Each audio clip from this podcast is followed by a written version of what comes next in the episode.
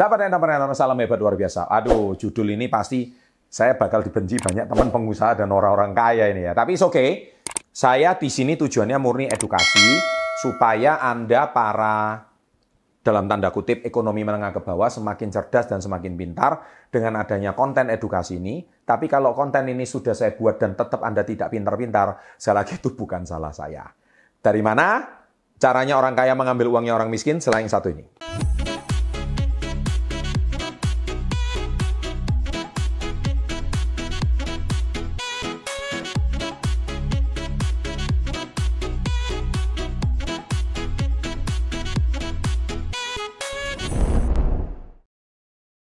Kita tahu bahwa sekarang zaman sosial media itu bisa diakses orang dari semua kalangan. Dan tidak terkecuali orang golongan ekonomi menengah ke bawah. Kita lihat kenapa golongan ekonomi menengah ke bawah itu paling suka dengan hal-hal yang sifatnya kemewahan. Makanya kita juga tahu kenapa barang-barang mewah itu itu selalu barang-barang mewah itu sampai timbul barang-barang KW-nya.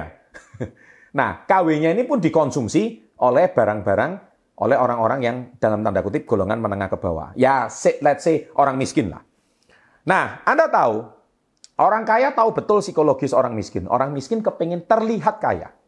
Mereka pengen terlihat kaya, pengen diakui oleh lingkungannya supaya dicap sok kaya. Supaya dia cap orang kaya. Wis, supaya dihormati orang. Baik, sekarang Anda tahu, padahal kenapa orang kaya semakin kaya? Dia tetap mempermainkan uangnya orang miskin.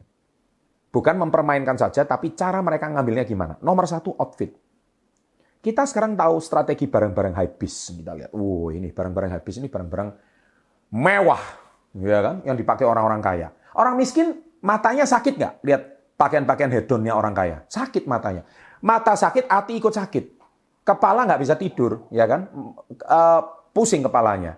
Nah, akhirnya orang miskin berusaha gimana caranya membeli barang tersebut. Orang kaya seneng banget. Beli aja terus barangnya orang kaya. Orang kayanya tambah kaya. Andanya menguras tabungan seumur hidup hanya untuk membeli barang yang akhirnya setelah Anda jual kembali tidak ada harganya. Nah itu yang nomor satu, outfit. Jadi jangan suka-suka beli outfit-outfit yang membuat Anda panas. Ya, pakai outfit apa adanya aja. Ya, yang terpenting tidak fake, bagus, oke. Okay. Yang kedua, gimana cara orang kaya ngambilnya duit orang miskin? Barang diskon. Itu semua adalah tips marketing yang akhirnya eh, barang diskon itu memicu Anda untuk lebih konsumtif. Saya bagi contoh, kemarin kan saya itu habis beli celana tuh ya. Dia bilang, Pak, Bapak kalau beli dua, Bapak dapat voucher 30 ribu. Nah itu tips. Gitu loh. Akhirnya saya beli juga, karena saya sayang kan uang 30 ribunya daripada Ya, tapi karena saya butuh barang itu, ya saya beli. Tapi kalau ada orang terpicu gara-gara cuman barang diskon, dan membeli sesuatu yang tidak perlu, padahal di barangnya itu di rumahnya sangat banyak sekali, akhirnya orang kaya semakin kaya. Nah ini cara kedua.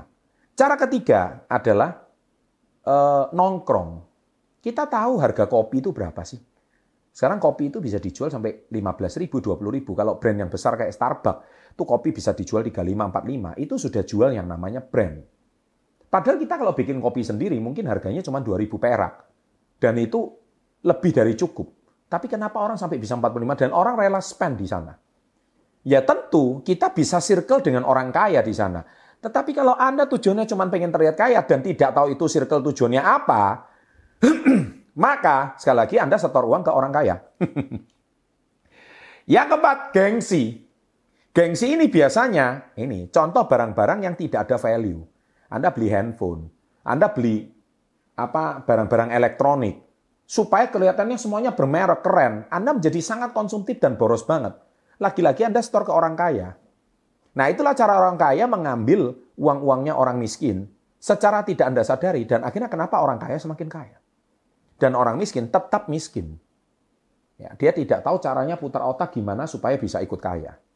Saya tahu Anda mungkin sakit hati dan Anda tidak setuju dengan kata-kata saya, silakan ribut di kolom komen sekarang juga, tidak masalah.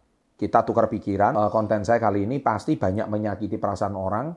Tapi sekali lagi saya berbicara ini tujuannya dengan satu, yaitu boleh sih menjadi pribadi konsumtif, boleh sih menjadi pribadi yang menikmati uh, hasil kerja keras kita, boleh sih kita itu uh, memberikan reward, hadiah kepada diri kita barang mewah asal kita udah kerja keras. Tapi yang paling konyol, yang saya paling sindir, suka, suka sindir adalah uang satu juta dibelikan outfit satu juta. Nah itu konyol. Uang punya 10 juta, belikan handphone 10 juta. Itu konyol. Kemudian punya uang 100 juta, dibelikan mobil yang harganya 100 juta. Konyol, akhirnya nggak punya sisa lagi. Padahal mobil itu juga butuh perawatan. Nah itu yang selalu saya sindir. Orang-orang miskin kenapa selalu miskin? Karena dia punya uang berapa, habis berapa.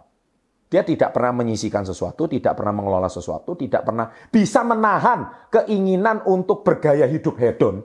Itu yang membuat orang miskin semakin miskin. Saya selalu bilang, menjadi orang kaya itu harus, tapi terlihat kaya itu tidak harus. Menjadi orang kaya itu harus dan pasti. Terlihat kaya itu tidak penting. Menjadi orang kaya itu penting. Dan orang kaya selalu bisa menamanya menunda kenikmatan. Menunda kemewahan. Tunda dulu. Sampai ada kalanya Anda bisa menikmati barang mewah tersebut tanpa harus menguras isi tabungan Anda. Selamat menikmati, selamat uh, share video ini, dan bilakan sindir teman-teman Anda, share pada teman-teman Anda kalau mereka tersinggung. Sorry itu saya bisa jadi teman Anda teman toksik. Sukses selalu, silahkan share, dan selalu salam hebat, luar biasa.